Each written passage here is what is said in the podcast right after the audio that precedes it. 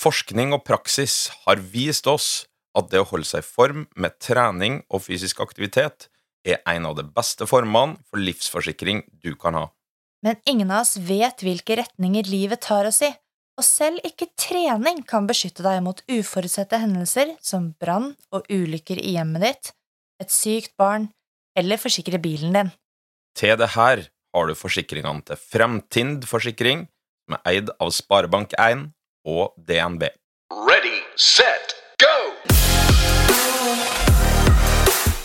Velkommen til prestasjonsprat med Eirik og Melina. Og nå skulle jeg vanligvis sagt hei, Eirik, for det er jo Eirik som pleier å ønske velkommen. Akkurat nå sitter jeg alene i vårt provisoriske podkaststudio fordi Eirik er oppe med Mini og passer på han. Vi har blitt en sånn logistikkbedrift hvor vi gjør ting på skift og styrer og ordner.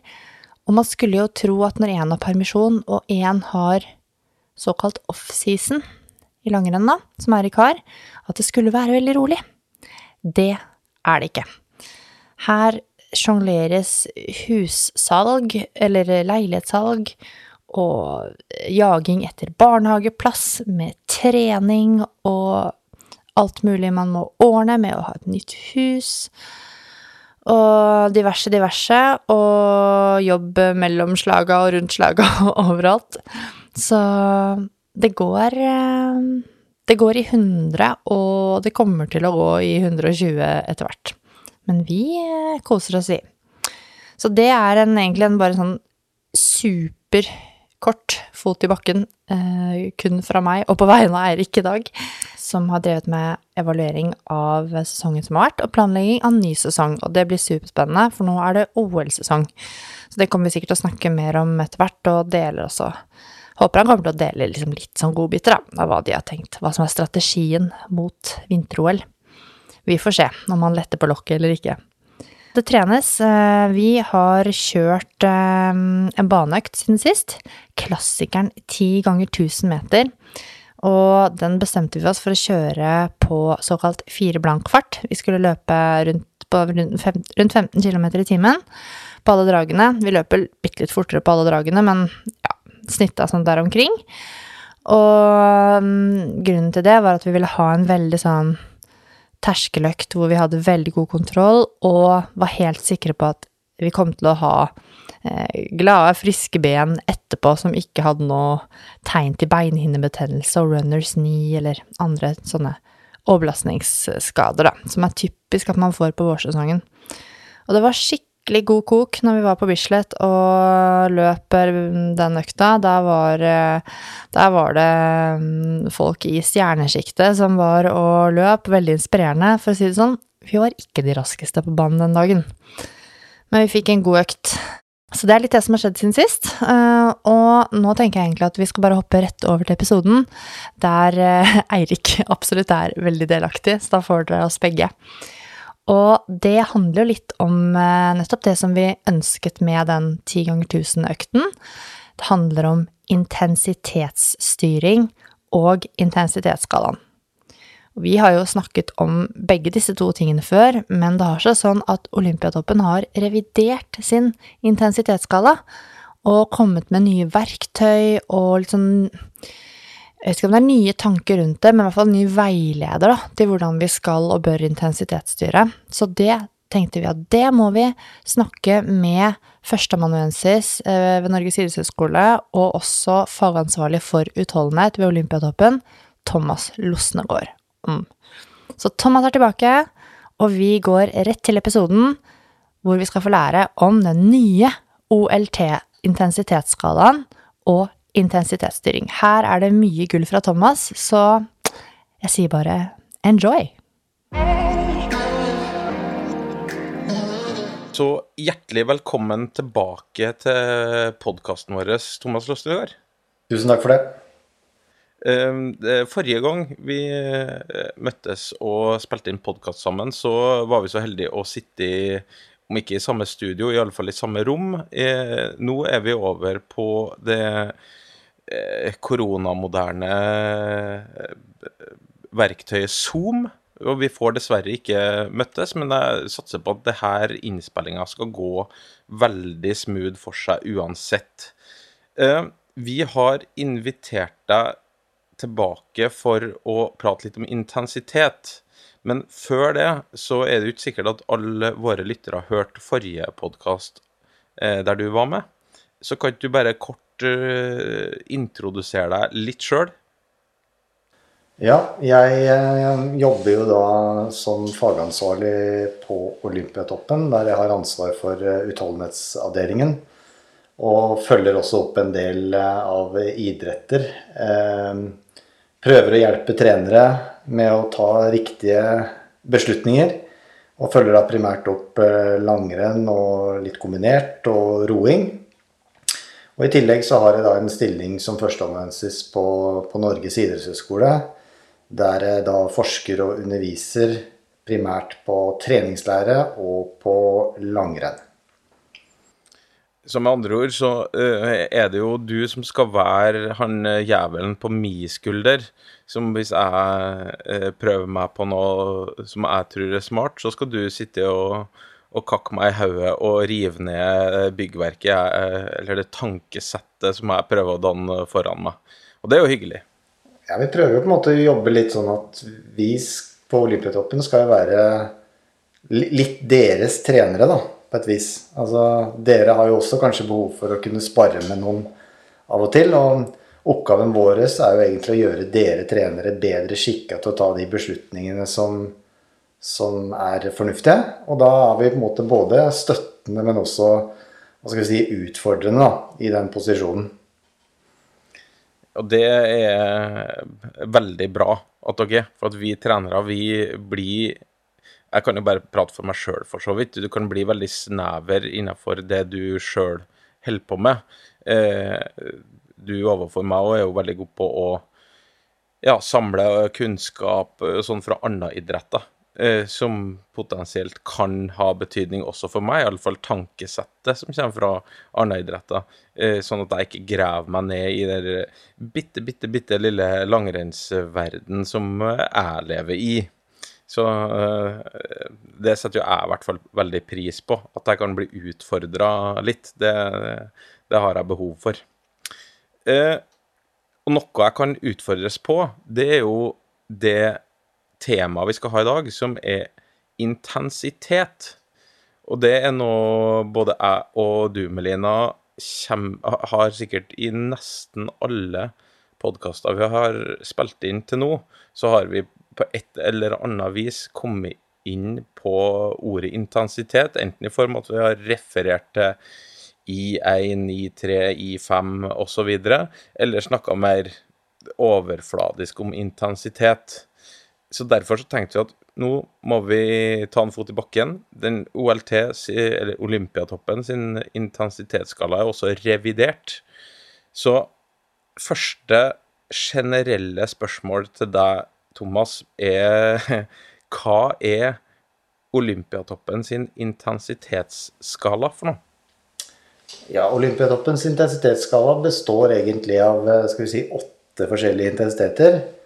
Der eh, de fem altså Intensitet 1 til 5 er de som er mest brukt i, i utholdenhetsidretter. Og de som man primært konsentrerer seg om. Og så har vi også sone 6, 7 og 8, som kanskje brukes i mye mindre grad i, i typiske utholdenhetsidretter som, som, langrenn og roing og sykkel og løping. Um, men de åtte intensitetssonene de utgjør på en måte da Olympiatoppens intensitetsskala. Og intensitetssoner er jo viktig for å kunne differensiere trening og skape egentlig variasjon i, i treninga, og så samtidig også kunne dokumentere treninga. Så Olympiatoppens iskala er på en måte et, et slags sånn felles eh, stamspråk egentlig i Norge på hvordan vi tenker trening også på tvers av idretter. Og det tror jeg har vært veldig viktig å ha i Norge for å nettopp kunne diskutere trening på tvers av veldig mange idretter.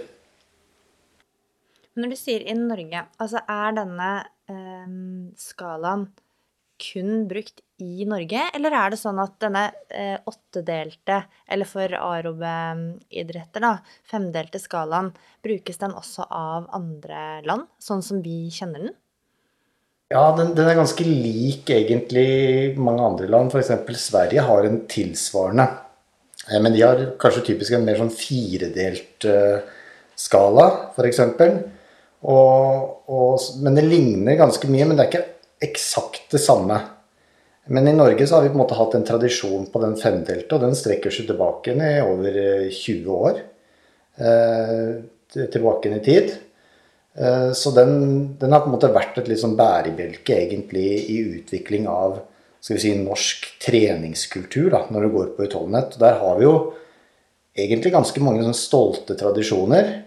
Eh, og i Norge så er vi ganske gode på utholdenhetsidretter. Vi tar omtrent eh, I medaljer i OL omtrent, så tar vi omtrent eh, tre fjerdedeler tar vi i utholdenhetsidretter. Så vi har på en måte en sterk tradisjon, ikke bare egentlig de klassiske skiidrettene med langrenn, skiskyting og kombinert, men vi har også i roing har vi jo sterke tradisjoner.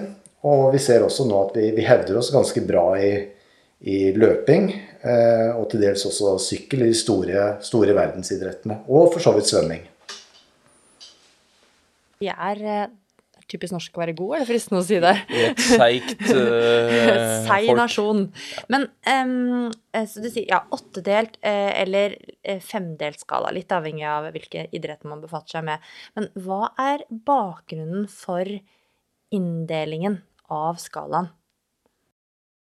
Ja, det, det, som sagt, det strekker seg så veldig langt tilbake igjen. Og hvis vi går enda tidligere, så var det kanskje vanlig å tenke en mer sånn rolig, moderat, eh, hardt eh, fordeling. Eh, som man kanskje gjorde typisk på 70- og 80-tallet. Eh, som er egentlig si, den femdelte skalaen som vi har i dag, bare at liksom intensitetssone 1 og 2 på en måte da var mer slått sammen til den rolige treninga. Og så hadde vi den moderate treninga som gikk på intensitetssone 3. Og så hadde vi den harde utholdenhetstreninga som gikk på intensitetssone 4 og 5. Og etter hvert så på en måte så man kanskje behovet for å kanskje kunne differensiere i enda større grad da, på de aller beste utøverne. For å treffe med på en måte riktig treningsbelastning. Og det at du kunne differensiere f.eks. For forskjell på intensitetssone 1 og 2 så man kanskje var hensiktsmessig i forhold til å ha kontroll på den, den, det arbeidet man gjorde. da. Så, eh, det er jo ikke sikkert du vet det her, da, men det var, eh, er jo noe før de tid, i alle fall før min tid. Så at bakgrunnen i òg var en slags sånn vitenskapelig utprøving på elitenivå? Eller det, det, ble det gjort på den gemene hob mer? Eh, det er nok kanskje gjort litt sånn på begge deler, for så vidt. Men man har jo på en måte mer og mer tatt utgangspunkt i en slags hva skal vi si, fysiologisk eh, skala. Med den rolige treningen som eh, kaller det under terskel. Og så har vi den sone tre som eh, La oss bruke det litt utslitte begrepet terskel, i hvert fall. Eh, og så har vi på en måte det som går litt over terskel. Så, så det er jo på en måte en sånn tresonemodell som er utvikla til en femsone. Men ser vi internasjonalt, så brukes jo fortsatt den tresonemodellen i veldig stor grad. Da, I veldig mange, mange idretter. Og det er for, si, for veldig mange utøvere så er jo, holder jo en sånn tresonemodell egentlig veldig langt. Så den femsonemodellen er jo egentlig tenkt for folk som trener veldig mye og har liksom veldig behov for å å kunne differensiere treningen enda mer nøyaktig da, enn f.eks. meg og, og, dere. Ja, det, det kan du si. Og så er jo jeg, en, jeg er jo på et vis villig til å, å, å gå langt på å si at jeg, jeg, tror jo også veldig langt opp mot elite, da. Så uh, syns jo jeg kanskje at en sånn femdelt, åttedelt intensitetsskala har en tendens til å kan komplisere det litt. Altså, jeg vet nå bare eh, for min egen del og mitt eget lag sin del, så, så har jo vi de siste årene uh, hatt en sånn Jeg vet ikke om vi skal kalle det en ny kurs, jeg, men eh, I hvert fall hva gjelder intensitetsstyring, så har vi kanskje vært enda klarere enn hva vi har vært før, og, og trener egentlig en slags sånn tredelt modell, da. Der vi trener rolig, i masse, masse volum i intensitetssone 1. Og så trener vi mye i det Kanskje feil å kalle I3, men en sånn kombinasjon av I3 og I4. Og så trener vi konkurransefart, altså eh, hardt. Det er det eh, tre sonene vi på et vis er i, da. Og så er den moderatsonen her som er kanskje eh, vanskelig å si at holder seg innafor delinga, sånn som eh, intensitetsskalaen er i dag, da, der vi kanskje ligger i en sånn eh, mellomsjikte mellom I3 og I4. Men det er jo i hvert fall et spørsmål jeg får ekstremt mye. Kanskje sånn det spørsmålet fra jeg var juniortrener og opp til elitetrener som jeg fått mest spørsmål om, det er jo denne intensitetsstyringa. Skal, skal vi ligge i sone tre, eller er det sone fire? Eh, og sånn der, og, og, og har jo kanskje følt på at det, det er komplisert nok, da. Så jeg sjøl på elitenivå prøver jo å, å nedtone liksom kompleksiteten i det her. Eh, da jeg syns at det er ganske komplekst, da. Ja, du kan si at i tillegg, altså Det dere gjør, er jo på en måte å prøve å eh, skal vi si, differensiere treninga eh, i stor grad. Altså det, Den rolige treninga skal gå veldig rolig. Og så har du den der moderate treninga som utgjør på en måte moderate hardt, da, som utgjør skal vi si, hardtreninga. Og i tillegg så gjennomfører du noe trening i intensitetssone 8 i forbindelse med at dere gjør typisk hurtighetstrening. Altså korte drag opp til en 10-15 sekunder. Så dere har jo på en måte eh, skal vi si, fire modeller her. Tre arobe og på en måte én litt mer sånn anarob power-modell i forhold til hurtighetsaspektet i langrenn. Men det sentrale for, for gode utøvere er nok nettopp det du er inne på i forhold til å, å prøve å nettopp differensiere intensiteten. Altså skille intensiteten ganske tydelig. Og ha en veldig klar filosofi at rolig trening er rolig. Moderate hardt er sånn og sånn. Og så har du hurtighet som på en måte er eh, veldig intensivt, men samtidig kort. Ja, der har du på en måte en sånn litt sånn polarisert måte å, å tenke intensitetsstyring på, som jeg vet veldig mange eh, andre idretter også benytter seg av. Men jeg føler vi må ta et lite sånn steg tilbake i forhold til eh, hva denne skalaen er, og hva den består av. Fordi altså, som nevnt så er jo sone 1 til 5 baserer seg jo på eh, det arobe landskapet, kan man kanskje si. Men hva er Og den opplever jeg i hvert fall at de fleste er godt kjent med, fordi den finner vi i pulsklokker, og, eh, og den har de fleste hørt om. Men hva er sone 6 til 8? Hva slags liksom, arbeid foregår der? Du nevnte jo hurtighet litt, men Ja, altså Sone 6 til 8 er jo på en måte trening som er ment for primært kunne utvikle eh, den anarobe kapasiteten eller den anarobe effekten, som vi sier. Altså, den anarobe effekten er typisk i intensitetssone 8, mens den anarobe kapasiteten er jo eh, sone 6 og 7. Og her vil jo da typisk draglengde eh, være sånn i sone 6 og 7 vil det være typisk fra kanskje 15 sekunder og opp til 2 minutter med maksimal varighet. Eh, og de brukes relativt lite i kondisjonsidretter, og årsaken til det er at det koster ganske mye å gjennomføre den type trening. Og samtidig, så hvis du skal bli bedre, eller hvis du skal øke den anaerobe kapasiteten, så må du trene ganske mye på det.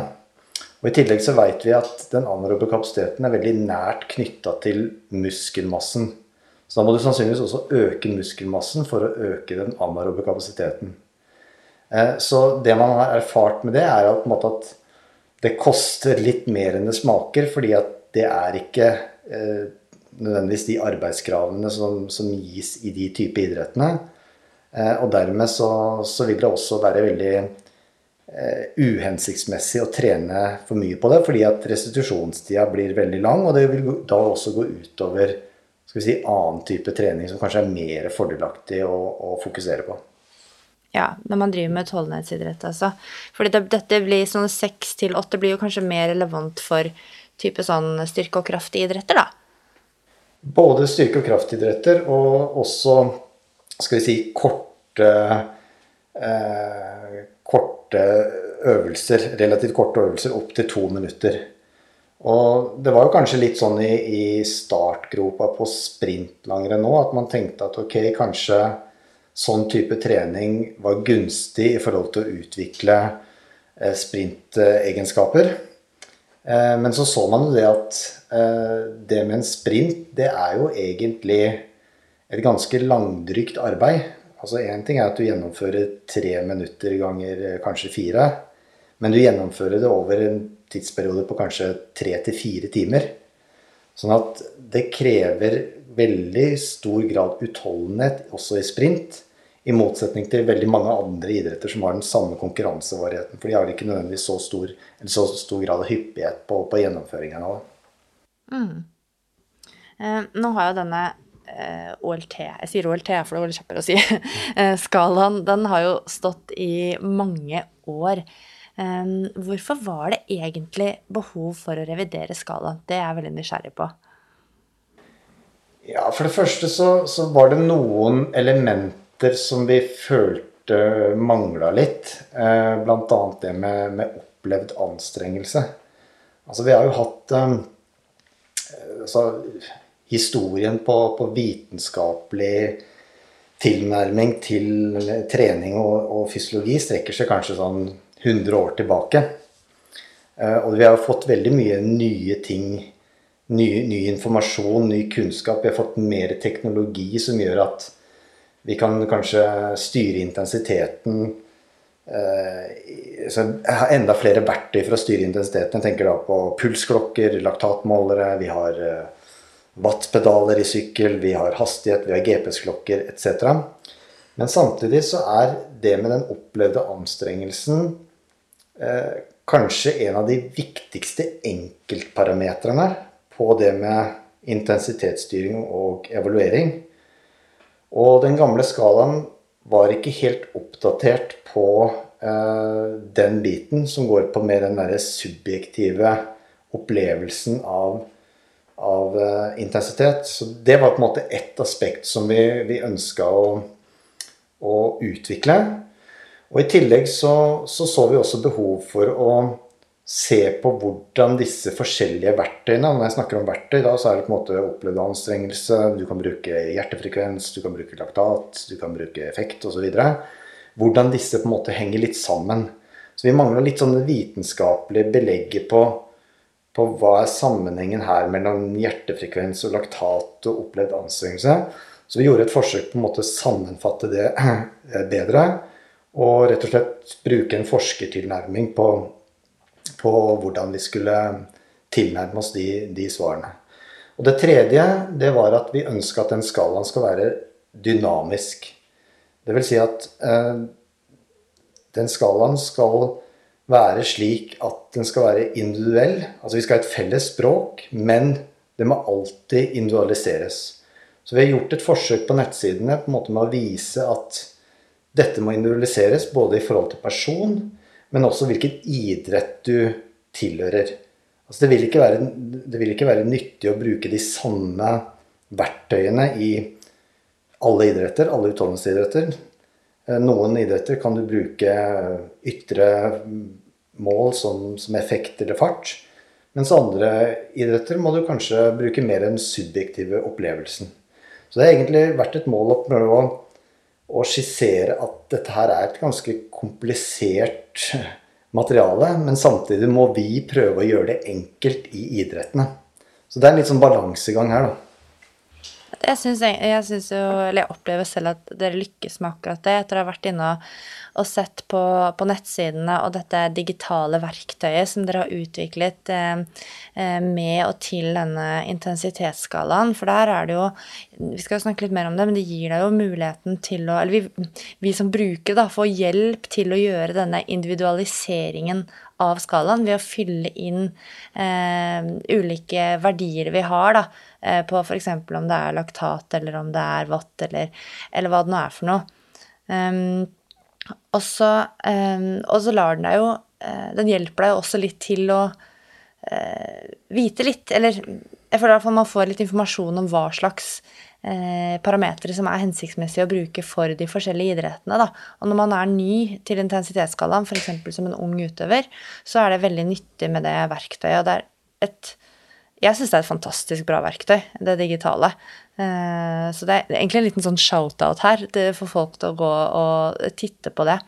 Og det som jeg syns er litt um, har vært litt utfordrende da, før det her verktøyet kom inn, og før dere også gjorde denne revideringen, har nettopp vært dette med den individualiseringen. Fordi veldig mange baserer seg jo på prosent av makspuls når man skal dele inn en, en skala, og så bruke det som intensitetsstyring.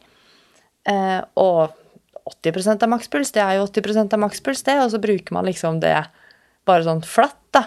Um, mens her tenker dere kanskje Er det liksom sånn at man bør kanskje bruke flere parametere parallelt, eller? Ja, det er, det, det er litt av hovedhensikten. At um, skal vi si ett enkelt verktøy, uh, det gir ikke så stor gevinst som hvis du klarer å kombinere flere verktøy. Og det er også i forhold til uh, ulike intensiteter. da. Altså Hvis du er på lav intensitet, så vil du kanskje bruke litt andre verktøy enn hvis du jobber på veldig høy intensitet. Altså La oss ta eksempelet med, med hjertefrekvens. Hvis du, hvis du, løper en rolig tre timer, så er jo hjertefrekvens egentlig et veldig fint mål på intensiteten. Fordi at du har Du, du jobber kontinuerlig over tid, og du, du vil jo ikke du vil ja, folk kunne skissere som noenlunde hva, hva, hva, den indre intensiteten din er i løpet av den tretimeren, i tillegg til de subjektive opplevelsene. Men hvis du f.eks. kjører en intervalløkt i sone fire eller fem, så er det ikke sikkert at hjertefrekvensen i seg selv er et veldig godt verktøy for å i hvert fall styre intensiteten. Altså Du kan jo bruke hjertefrekvensen til å se hva er det du har hatt i hjertefrekvens i dag, og hvordan har den hjertefrekvensen vært i forhold til forrige økt f.eks. For eksempel. Men det er ikke nødvendigvis sånn at da er hjertefrekvens et veldig godt styringsverktøy. Så vi har også prøvd å liksom skissere at ok, noen av disse verktøyene er fornuftig å bruke på lav intensitet, og noen er på høy intensitet. Og klarer man å kombinere hjertefrekvens, subjektiv opplevelse, eh, kanskje fart i de idrettene som det er reelt, eh, så, så, har man et mye sterkere egentlig fundament for å kunne treffe og evaluere på, på, ut ifra riktig intensitet. Mm. Nå tipper jeg det er mange som sitter og lurer på hvorfor er ikke hjertefrekvensen nødvendigvis eh, den beste parameteren på høy intensitet? la oss ta et eksempel. At, eh, at litt, altså du løper en tominutters drag. Eh, la oss si at du løper åtte tominuttere med to minutter pause eller tre minutter pause. Du vil ha ganske høy intensitet. Så vil jo da i løpet av de to minuttene så vil jo da hjertefrekvensen øke omtrent hele tida. Og så vil den kanskje stabilisere seg litt på, på, slutten. Så du kan si at de siste 30 sekundene av de tominuttsdragene vil jo kanskje noenlunde reflektere det. Men samtidig så kan jo den eh, belastningen du har på muskulaturen være mye høyere enn det som hjertefrekvensen faktisk eh, reflekterer. Altså du vil jobbe på en mye høyere intensitet enn det, det hjertefrekvensen f.eks. viser. Så her har du både det aspektet at du må vite eventuelt når i draget er det hjertefrekvensen viser det riktig, og det er ikke sikkert at hjertefrekvensen faktisk viser den, den, den belastningen som du er ute etter. Og så har du da pausene imellom osv. Som, som gjør at dette blir litt sånn mer komplisert. Så, så generell tommefingerregel kan være at hjertefrekvens er fint å bruke på kontinuerlig arbeid, og hvis du har litt lengre drag, f.eks. intensitetssone 3, eh, der du kanskje har eh, fem, seks, sju, åtte, ni ja, minutter kontinuerlig arbeid, da vil den hjertefrekvensen være ganske stabil etter et par minutter og reflektere ganske bra intensiteten. Men den vil være heller dårlig når intensiteten er veldig høy og dragene er veldig korte. Mm. Og da tenker du typisk da en sånn Borg-skala, da, for eksempel, eh, som er en sånn subjektiv oppfattelse av intensitet, eh, at det er kanskje mer hensiktsmessig da, å bruke på, som intensitetsstyring på kortere drag da, enn det du skisserer her? Jeg tenker at både en form for en sånn Borg-skala 60-20 man kan bruke 1 til 10, eller man kan rett og slett bare ha skal vi si, en, en eh, egen subjektiv opplevelse av hvor tungt er det dette eh, eh, oppleves. Eller man kan bruke Mange bruker jo skal vi si, opplevd pusten som et sånn veldig enkelt mål på, på intensitet. Altså klarer du å snakke lange setninger uanstrengt, så er intensiteten lav. Klarer du å si moderate setninger, så er intensiteten moderat. Og klarer du å si bare ord, så er intensiteten veldig høy. Altså det er jo den enkleste måten, og samtidig et uh, veldig greit mål for sin egen del. Uh, det er ikke nødvendigvis sånn at du kan sammenligne det fra utøver til utøver, men for din egen del så har du iallfall en, en ganske bra oversikt over hvor, hvor, tungt er det den intensiteten oppleves. Og så tenker jeg også, ja, tenker jeg også at det er viktig at, at, man lærer seg, spesielt yngre utøvere, at man lærer seg hvordan, hvor tungt er det intensiteten oppleves. For når du kommer i en konkurransesetting f.eks., så er det i veldig mange idretter helt avhengig av å stole på den opplevde følelsen din underveis. Og da vil jo det være veldig nyttig i treningsarbeidet også å ha trent på å ha en forståelse av at dette her er behagelig anstrengende, og dette her er anstrengende, og dette er veldig anstrengende, når du kommer i en konkurransesituasjon. For der kan du ikke stole på hjertefrekvensen, eller du har ikke noen laktatmåler. Eh, og i langrenn så har du egentlig ingen andre faktorer enn en, eh, den opplevde følelsen som du har eh, bearbeida gjennom mange treningsøkter.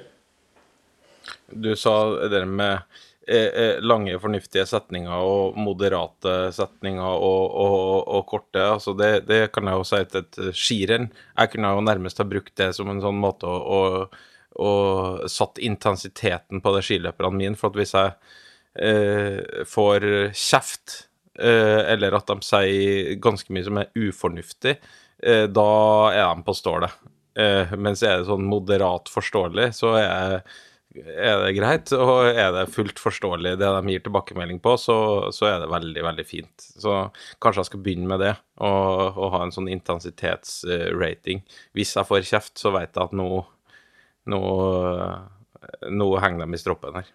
Og de, de, de forklaringene som vi også har satt inn på Borg-skalaen. Vi har jo fornorska disse begrepene litt. Altså, Borg-skalaen er jo utvikla av Gunnar Borg på 70- og 80-tallet. og Det er jo engelske uttrykk. Men vi har også prøvd å ha en tilnærming der at vi har skal vi si, fornorska de begrepene da, som, som den 6-20-skalaen tilhører. F.eks.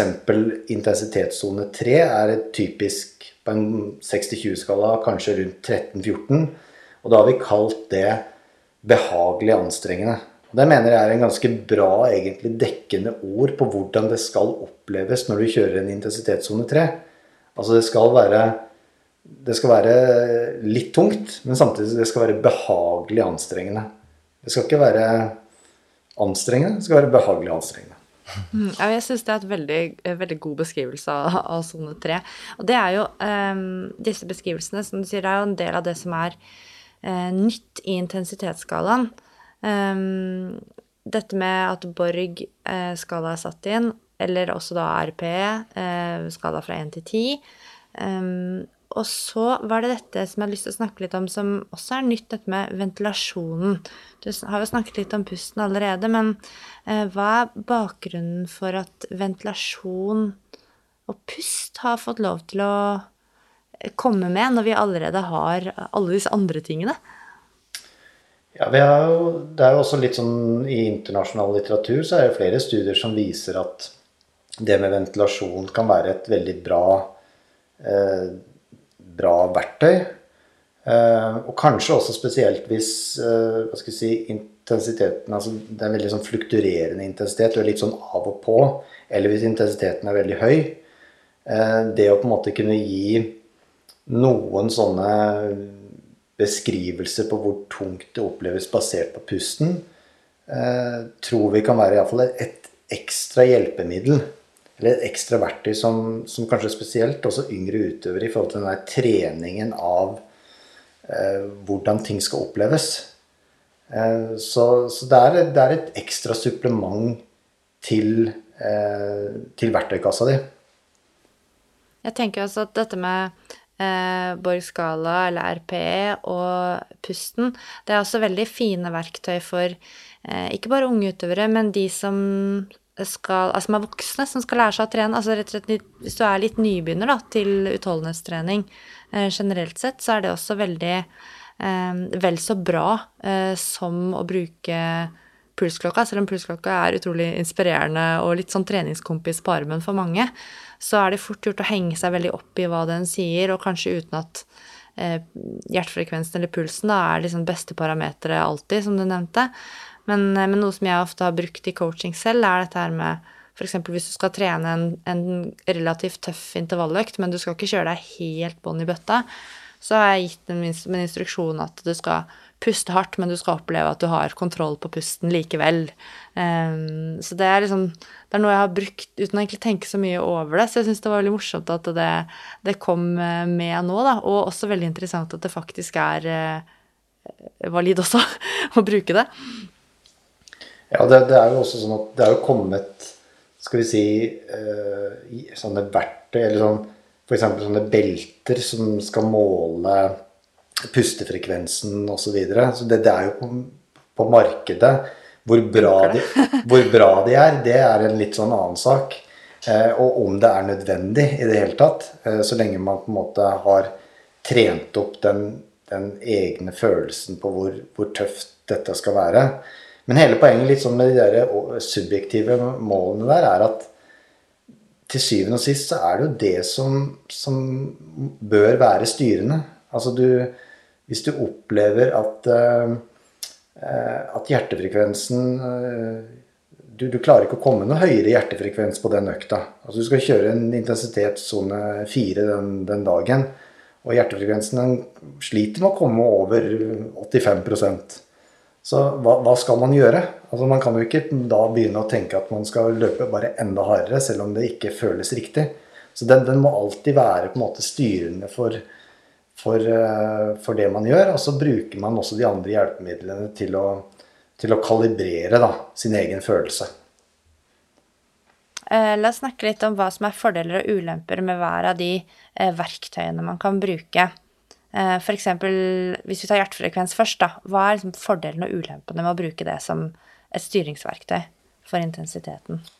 Altså Hjertefrekvens er jo et Det er jo veldig enkelt mål, sånn som det er nå med, med pulsklokker og registrering og den pakka. Så, så, det er enkelt. Det fungerer veldig bra på, på, lav intensitet, som vi var inne på, på kontinuerlig arbeid og også på intensitetssone 3, men har sine klare begrensninger når intensiteten eh, blir veldig høy.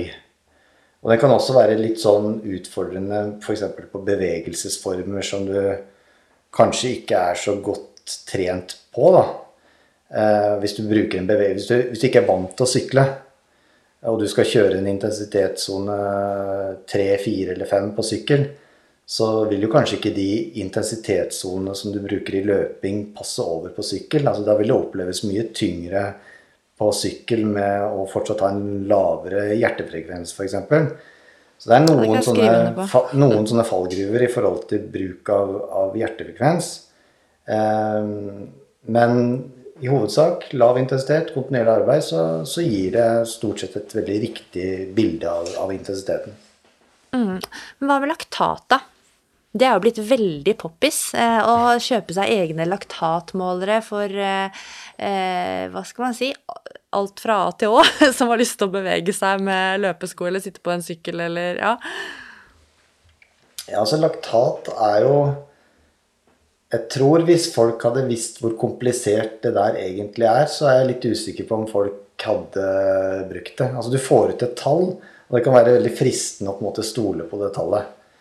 Eh, så, så, vår anbefaling er jo på en måte at laktat For de aller fleste så er ikke det nødvendig.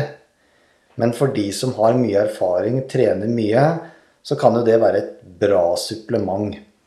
Og igjen så er jo laktat er jo fint hvis man på en måte har det der kontinuerlige eh, arbeidet, og kanskje opp til og med intensitetssone 3. Det kan være fornuftig. Altså en I3-økt f.eks., der du har lange drag, korte pauser. eh, så kan laktat kanskje være et eh, greit hjelpemiddel. Kanskje også i forbindelse med høydetrening eller tilsvarende. Men over intensitet 3 så har det sine klare begrensninger. For det har litt med på en måte hvor lange de dragene er, og hvor tøffe de dragene er. Og så er du over intensitet som 3, så, så vil jo i teorien laktaten øke utover i draget. Så da er du veldig avhengig av hvor langt det draget er, og når du tar den prøva. Så skal man bruke laktat over intensitetssone 3, så, så er det mer sånn at da gjør du det hvis du kjører den samme standardøkta hver eneste gang i den samme bakken, og bare ser hva laktaten er. Men den gjenspeiler ikke nødvendigvis hva intensiteten din er på det draget. Det er jo bare tall. Nå er jo du veldig politisk korrekt eh, her, Thomas. Altså, jeg kjenner jo meg sjøl ganske godt, og jeg er jo relativt skeptisk til laktat, og vi bruker det veldig lite. Og jeg kjenner jo deg såpass at du er jo nesten enda mer skeptisk enn meg igjen.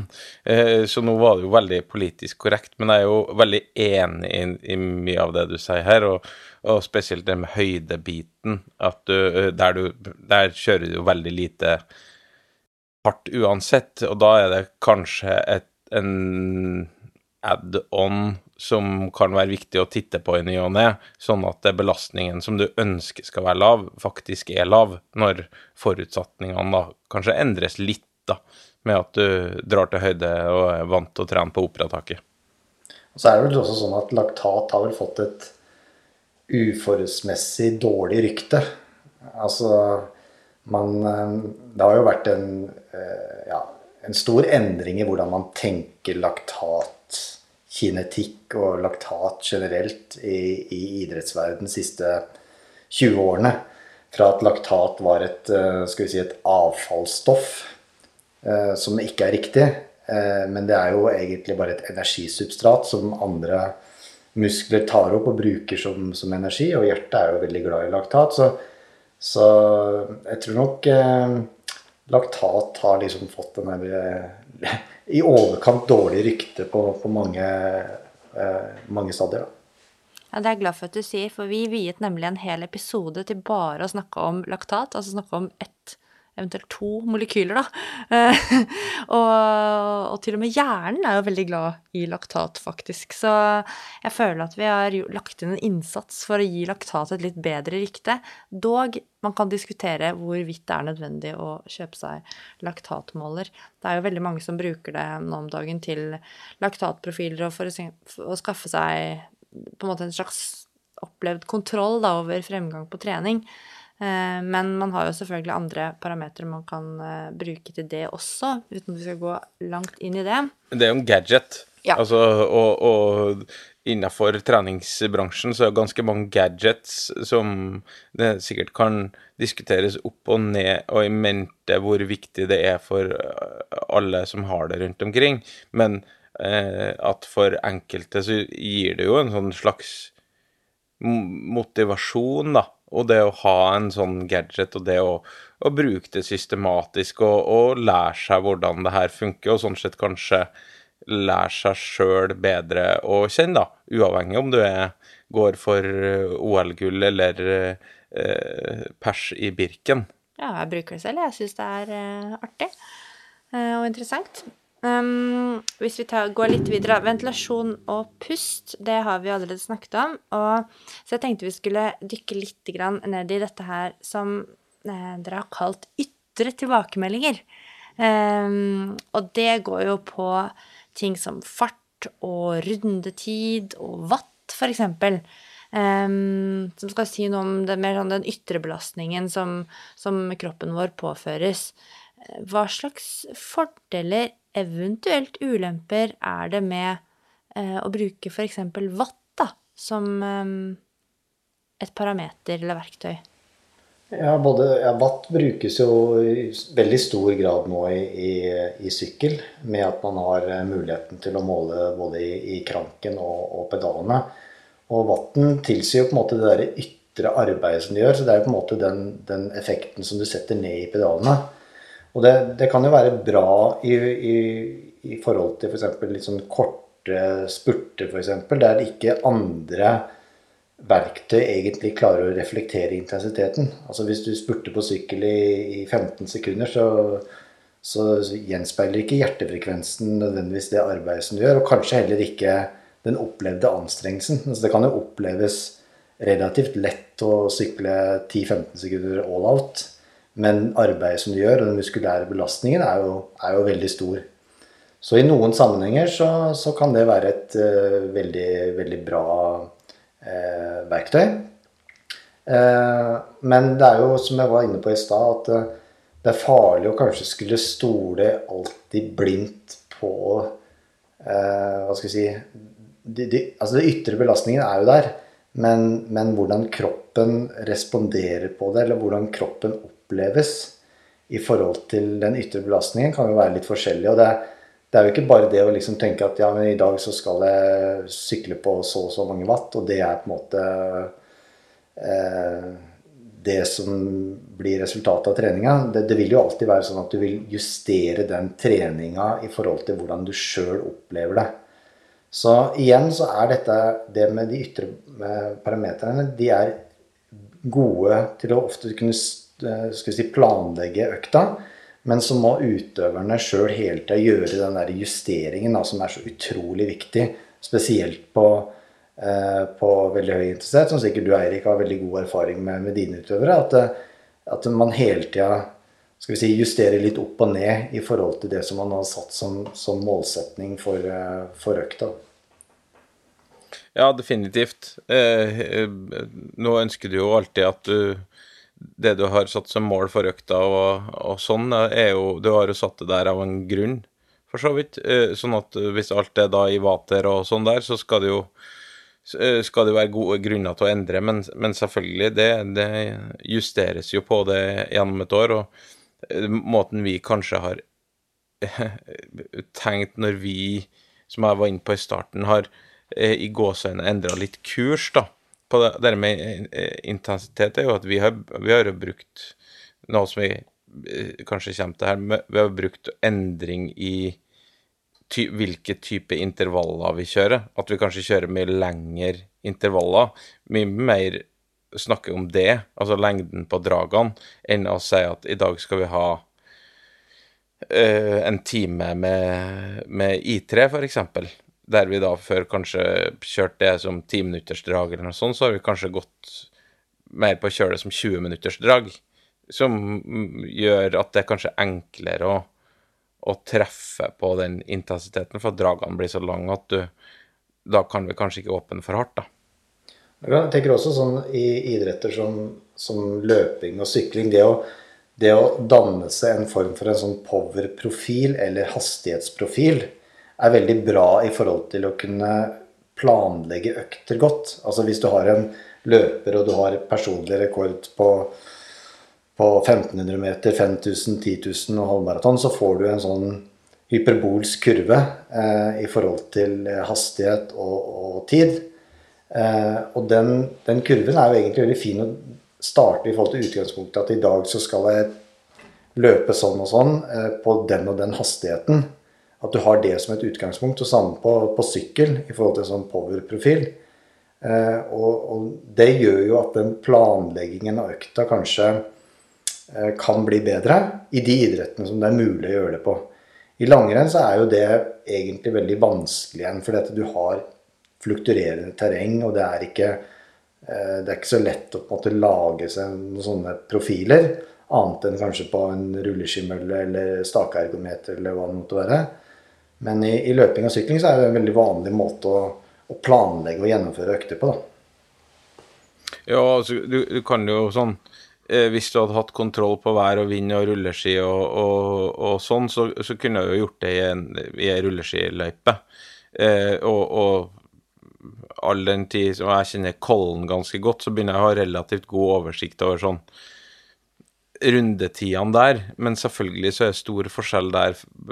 På den ene tirsdagen så går du på regn, og neste tirsdag så går du med sola i ryggen, medvind og kjøttkake til middag. Og det er klart at da er det eh, kanskje vanskelig å helt sammenligne dem, men over tid, eh, som eh, jeg begynner å ha på ganske mange av de utøverne mine, så, så danner jeg jo et slags sånn kartotek på, på fart der òg, men det er helt klart mer ja, eh, vanskeligere eh, enn det er på en, eh, en 400 meters bane, som er lik eh, både her og der. Sjøl om der òg kan du ha eh, medvind og motvind og, og, og sånn, så er det iallfall litt lettere å sammenligne ulike tartanrunder rundt omkring en, en rulleskibane.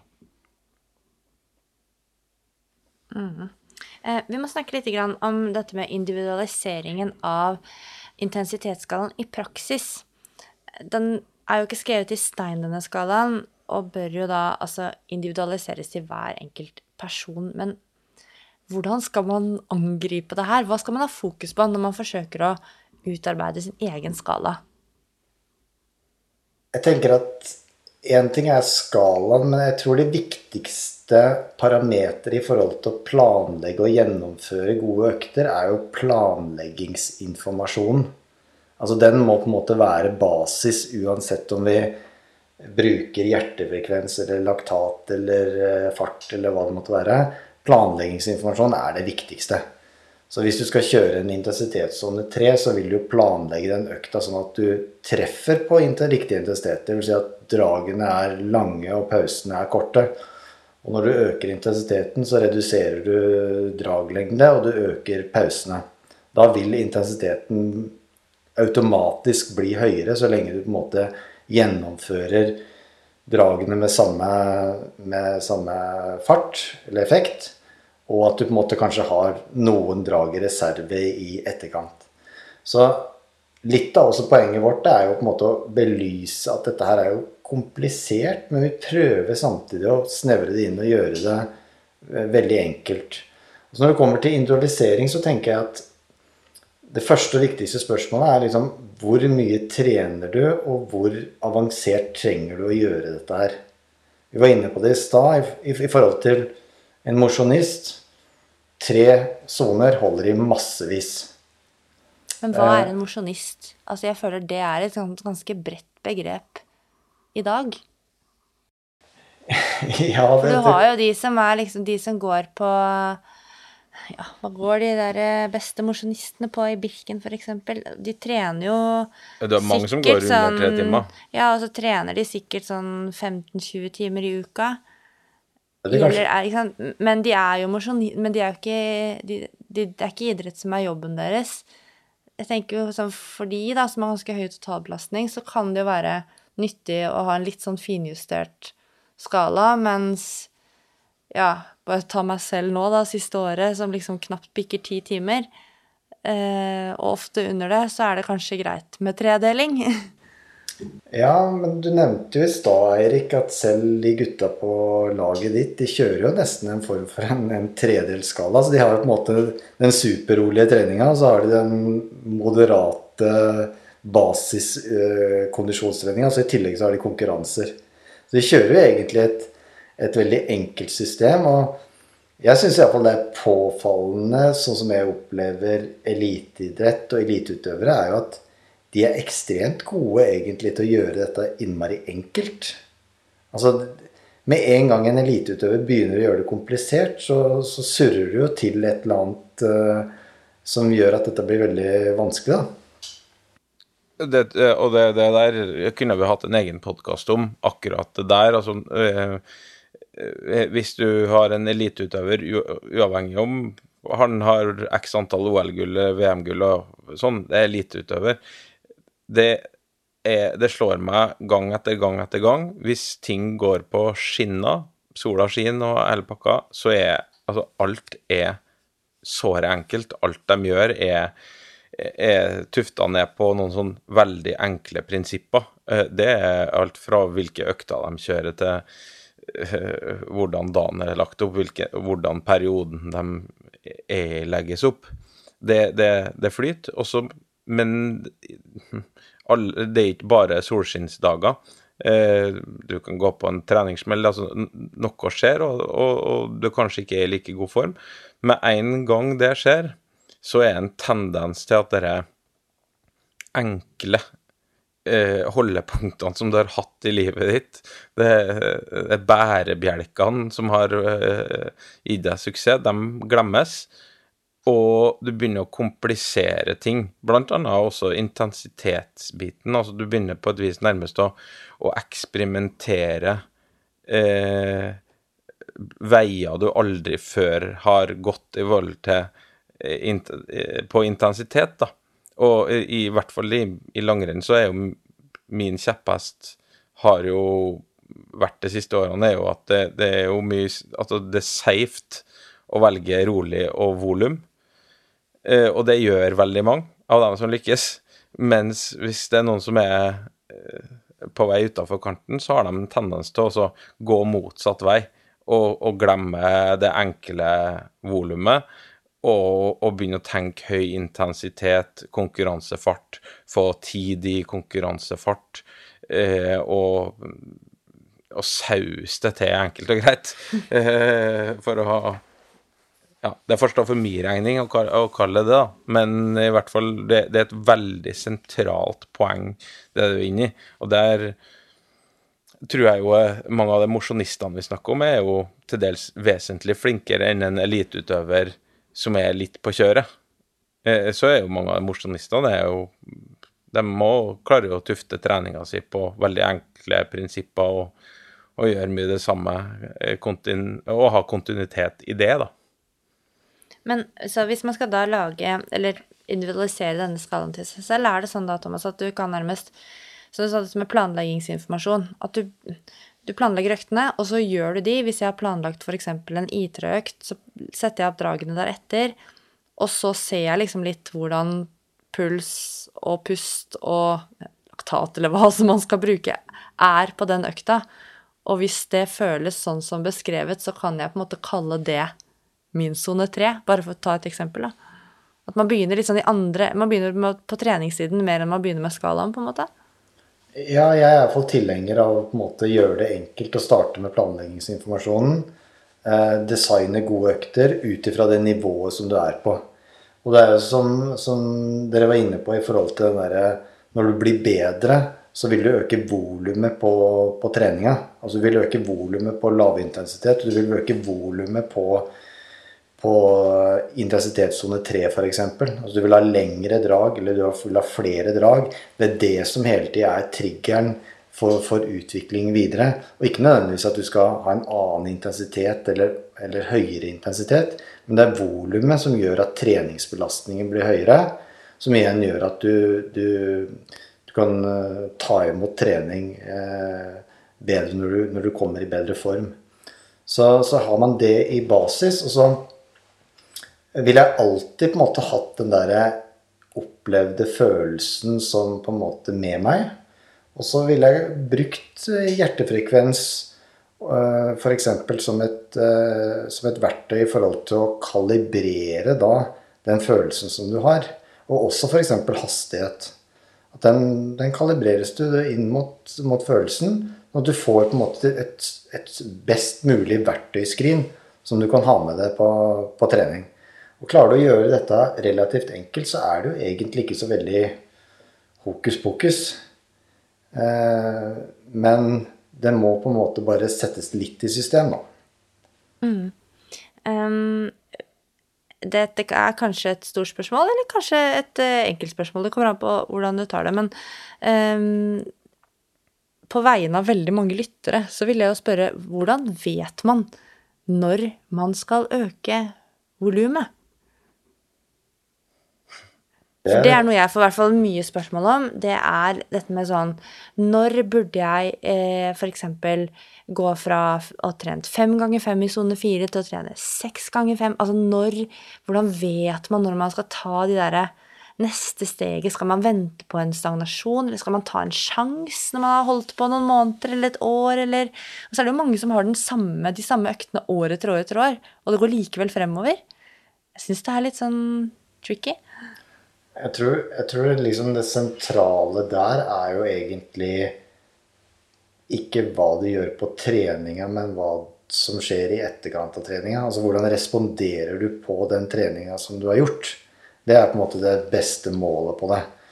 hvis du kjører såpass tøft at du kjenner at her får du egentlig ikke noe, noe særlig bra restitusjon av økta. Altså, altså økta oppleves som vondsliten istedenfor godsliten. Så på en måte kommer du i en negativ loop der du på en måte bryter mer ned enn du klarer opp. For det er jo ikke treninga du blir god av, det er jo hvilen i etterkant. For å si det litt sånn banalt. Og da er det jo den derre igjen Du har jo igjen masse verktøy for å kunne måle hva skal vi si, restitusjonen. Men til syvende og sist så er det jo disse enkle hjelpemidlene som du kan gjøre i forhold til hvordan er matlysten, hvordan sover jeg, hvordan føler jeg meg, eh, videre. Og så er det jo kanskje sånn at man burde kanskje da heller prøve at i noen perioder så øker man litt, og så på en måte eh, slipper man ned igjen. Sånn at man periodiserer egentlig treninga istedenfor å bare øke volumet på alle økter. Da er det jo fort gjort å gå på en treningssmell. Så hvis man skal eksperimentere, så ville jeg heller ha hatt noen perioder der jeg prøver å øke. Og så har jeg noen perioder der jeg faktisk har litt mindre. på en måte, på en måte har jeg mer vedlikeholdsfase. Og så se hvordan det eh, utvikler seg. For det kan kanskje være neste steg i forhold til det med trening. Da. Nettopp det med periodiseringen av treningen. Mm, veldig gode råd der. Eh, det er jo en sånn Jeg holdt på å si bare en observasjon fra uh, min side angående det med å ja, endre intervalløkta og endre uh, sånn der. Jeg gjorde en sånn opptelling uh, på hvilke intervalltyper som vi er, Hvilke hardøkter som vi har gjennomført de tre siste årene, og det kan strengt tatt oppsummeres med Vi har kjørt tre typer. Vi har kjørt seks ganger seks elghufs. Dem har vi ikke veldig mange av, men på høsten så har vi litt av dem. Eh, vi har ti minutter på rulleski, og så har vi 20 minutter på rulleski. Har dere aldri noe sånn fem eller fire minutter eller noe sånt? That's it. Eh, uh, av og til så har vi fem ganger ti, av og til seks ganger ti. Eh, og 20 minutter da, så har vi alltid tre. Eh, og det er det uh, I tillegg går vi noen konkurranser, så det, det, er på et vis utafor det her. Men uh, kanskje litt off topic, da, for det her handler jo om kanskje utøvere eller personer som har et annet uh, trinn enn elite. Men jeg syns det er veldig interessant at selv på elitenivå så trenger du Vi gjør det samme. Ja.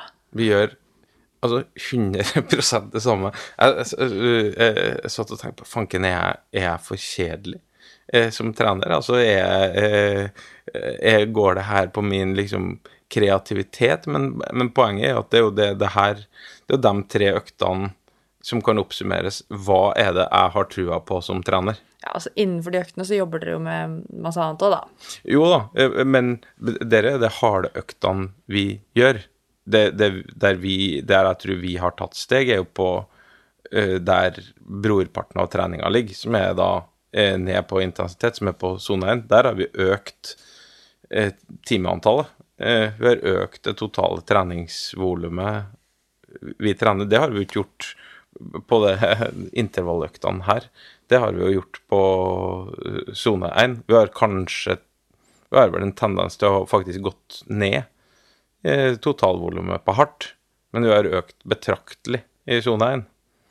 Eh, så det, det, kan jo hende det er for kjedelig. At stagnasjonen kommer nå i OL-sesongen, og OLTs mann på min høyre skulder, Thomas Losnegard, kommer og slår meg i hodet og sier nå må du bli, bedre bli kreativ inn i neste sesong.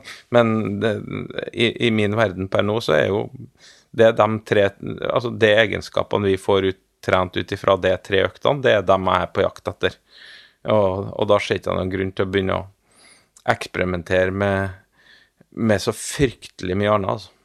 Det, det, du kan si at en, en positiv greie med, med, det du nevner der, er jo at da har du jo noen sånne si, enkle standardøkter som du følger. Og for deg som trener, så er det kanskje lett å på en måte prøve å ha noenlunde kontroll på hvordan er det utøverne er på de øktene. For de har de kjørt flere ganger. Og hvordan er det gruppa der, og hvem er på en måte Supermann, og hvem er ikke Supermann i den gruppa. Du har du har egentlig ganske bra kontroll på hva man holder på med, og samtidig får du høyt treningsvolum. Eh, du får mye trening på, på både lav intensitet og høy intensitet, og du har noen sånne, egentlig sånne kontrolløkter hele tida som, du på en måte, som du som trener kan gjøre at uh, du har bedre oversikt over gruppa, kanskje. Ja, kanskje. Eller så går det ikke eh, på kreativitet. Det kan være det òg. um, avslutningsvis uh, så må vi snakke litt om det digitale verktøyet uh, som dere har utviklet. Uh, bare litt sånn kort om altså, hva slags muligheter har man i verktøyet, og hvordan, hvordan er det tenkt at vi skal bruke det? Jeg ser jo at man kan fylle inn eh, ulike verdier på forskjellige parametere der. Hva vil det gi meg? Jeg tenker Det første viktigste man stiller seg, et spørsmål man stiller seg, det er eh, hva har jeg behov for av de verktøyene. Så på den nettsida så kan du da på en måte velge hvilke verktøy er det du syns er mest fornuftig ut ifra din idrett og din treningstilstand. Så du kan på en måte velge å, å benytte hjertefrekvens eller RP, opplevd anstrengelse, eller laktat, eller fart, effekt osv. Og, så og at måte, det skal gjøre at man individualiserer bedre for enkeltutøvere, også for idretter. Så Det er det første og viktigste. Og så er det et sentralt element det vi var inne på, det med hjertefrekvens. Altså Skal du bruke hjertefrekvens til noe i treningsarbeidet, så må du også gjerne vite din maksimale hjertefrekvens. Ellers så gir det veldig lite eh, hva skal jeg si, gir det lite gevinst. Altså, du, du finner jo omregningsformler fra 220 minus alder, eh, som for en populasjon så vil det tallet være ganske riktig som et gjennomsnitt på den populasjonen. Problemet er jo at det er ingen som ligger på det gjennomsnittet. Sånn at eh, du kan liksom risikere å bomme med 10-15 slag enten den ene eller den andre veien. Og da er du egentlig ikke bare like langt, men du har jo egentlig gjort det mye mer komplisert for deg. Og kanskje du, du risikerer å heller gjøre det mer feil enn å gjøre det mer riktig med bruk av, av hjertefrekvens. Så, så, tanken vår er på en måte å, å, å lage dette individualiserbart for, for, utøvere, sånn at hver enkelt utøver kan plukke ut og forhåpentligvis også lære noe av de nettsidene. Det har vært sånn viktig, det er et viktig pedagogisk verktøy, egentlig, for oss. Mm. At man på en måte skjønner hvordan disse verktøyene kan brukes, og hva man kan bruke det til. Ja, det er veldig gode forklaringer, og vi skal linke til eh, både forklarings- og presentasjonsdokumentet og selve nettsiden med verktøyet. Da jeg følte i hvert fall jeg fikk veldig god innsikt um, ved å ja, eh, lese rett og slett bakgrunnsdokumentet, da. Eh, som er veldig fint utformet. Um, dere har jo Jo, også bare før vi avslutter akkurat det, topic, den, det punktet der, da. Så uh, dette med hjertefrekvensen du var inne på, altså da må man rett og slett man må ta en makspulstest for å, for å bruke det. Mm. Ja, en makspulstest den, den, kan jo gjennomføres på mange måter, den. Altså hvis man har hatt en konkurranse f.eks. Eh, med relativt kort varighet, altså skal vi si 5-15 minutter, eh, så kan man jo sannsynligvis kanskje bruke noe av det. Eh, man kan gjennomføre Vanlig måte er å gjennomføre noen sånne treminuttersdrag, f.eks. tre treminuttersdrag i motbakke. Der første draget går sånn moderat, andre draget går hardt, og tredje draget går veldig hardt. Og på en måte måler hva hjertefrekvensen er. Men det er også viktig å påpeke at også det vil ha litt sånn dag-til-dag-variasjon. Så at det å måle makspulsen sin én gang er kanskje ikke eh, tilstrekkelig. Kanskje man må ha litt erfaringer og se hvordan dette endrer seg over tid. Og så vil også hjertefrekvensen reduseres med, med, alder. Så det hjelper liksom ikke om man har hatt en måling for 15 år siden. Det, det bør være relativt ferskt. Ja, bør være litt oppdatert. Og så hvis det er lenge siden man har tatt i skikkelig hardt, så er i hvert fall min erfaring at det er lurt å liksom gjøre økta et par ganger, og så liksom kvitte seg med nesten den, altså den læringseffekten som det er å gjøre den økten, og så bli vant til å ta i hardt igjen. Og så kan man jo se litt hvilke av de gangene man kjører den økten som en makspulstest er, da, som man føler er mest at man traff best. Eh, men eh, det er et godt poeng det at det må være, at det må være oppdatert. For jeg tror det er mange som, som bruker liksom gamle makspulstester fra sånn videregående, selv om det kanskje var ti år siden. Eh, Så tenker jeg også at det altså Litt av utfordringen med, med, med maks hjertefrekvens er at det er jo til en viss grad bevegelsesspesifikt. Sånn at eh, det du har i løping, er helt sikkert ikke det samme som du har i staking. Altså Vi ser typisk at i staking så har du kanskje fem til ti slag lavere makspuls enn du oppnår i løping. Og hvis du bruker flere bevegelsesformer, så begynner det å bli litt sånn komplisert, dette her. da. Og i tillegg så er kanskje ikke utholdenheten så god i staking, så hvis du ligger på 80% i staking, så kan det være helt annerledes enn 80 av løpemaksen din, og hvordan du opplever det. Så det, det å Uten å skulle gjøre det for komplisert, altså, jeg tror det er viktig at folk er klar over eh, at en del av disse verktøyene fort kan bli en litt sånn hemmende istedenfor fremmende. Eh, og det er derfor vi er veldig opptatt med å måte, si at den opplevde anstrengelsen, det er den som den, den må man ikke glemme opp i det store bildet. da. Nei, den trumfer det meste, da. Ehm, sånn avslutningsvis nå, Thomas. Dere har jo gjort en, eh, en studie eh, for å titte litt på hvordan, eh, hvordan de ulike parameterne, eller flere ulike parametere man kan bruke da, når det gjelder intensitetsstyring, samsvarte med da Borg skala. Kan du fortelle litt om hva dere fant? Vi gjorde en stor studie i forhold til det med Når vi begynte med revideringen av, av I-skalaen, så ønska vi også et skal si, sterkere vitenskapelig belegg på, på den skalaen. Så vi gjorde egentlig en sammenligning på, på 160 eliteutøvere. Eh, veldig høyt nivå i sykkel og løping, der vi så på hvordan tilsvarer hjertefrekvensen Borg-skala, hvordan tilsvarer laktat, oksygenopptak osv. Og så prøvde vi å sammenfatte det for å se på hva er typiske verdier på en intensitetssone 3 f.eks. på laktat og Borg i forhold til hjertefrekvens. Og det, det, det vi fant, eh, var jo at her er det også veldig store individuelle variasjoner. Sånn at eh, det var kanskje overraskende store variasjoner mellom folk, og det skal man også være veldig klar over. Så at det her gjelder å på en måte danne Bruke intensitetsskalaen som et utgangspunkt, men så må man til en viss grad individualisere disse, disse verdiene. Det får være noen siste kloke ord i det, Thomas. Eh, Vi skal begynne å avslutte. Tusen hjertelig takk for at du kom tilbake som gjest. Det setter vi umåtelig stor pris på. Eh, Vi skal ta også link, vi, til det her informasjonsdokumentet eh, om skalaen, og til da det her verktøyet på nett. Eh, Så er det bare å gå inn der, slå seg løs eh, med både planlegging og utprøving. Eh, og med det så tror jeg vi takker for laget. Yes, det gjør vi, og dere kan følge oss på Prestasjonsprat i alle sosiale medier. Og så er vi snart tilbake. Vi er snart tilbake. Ha, det bra.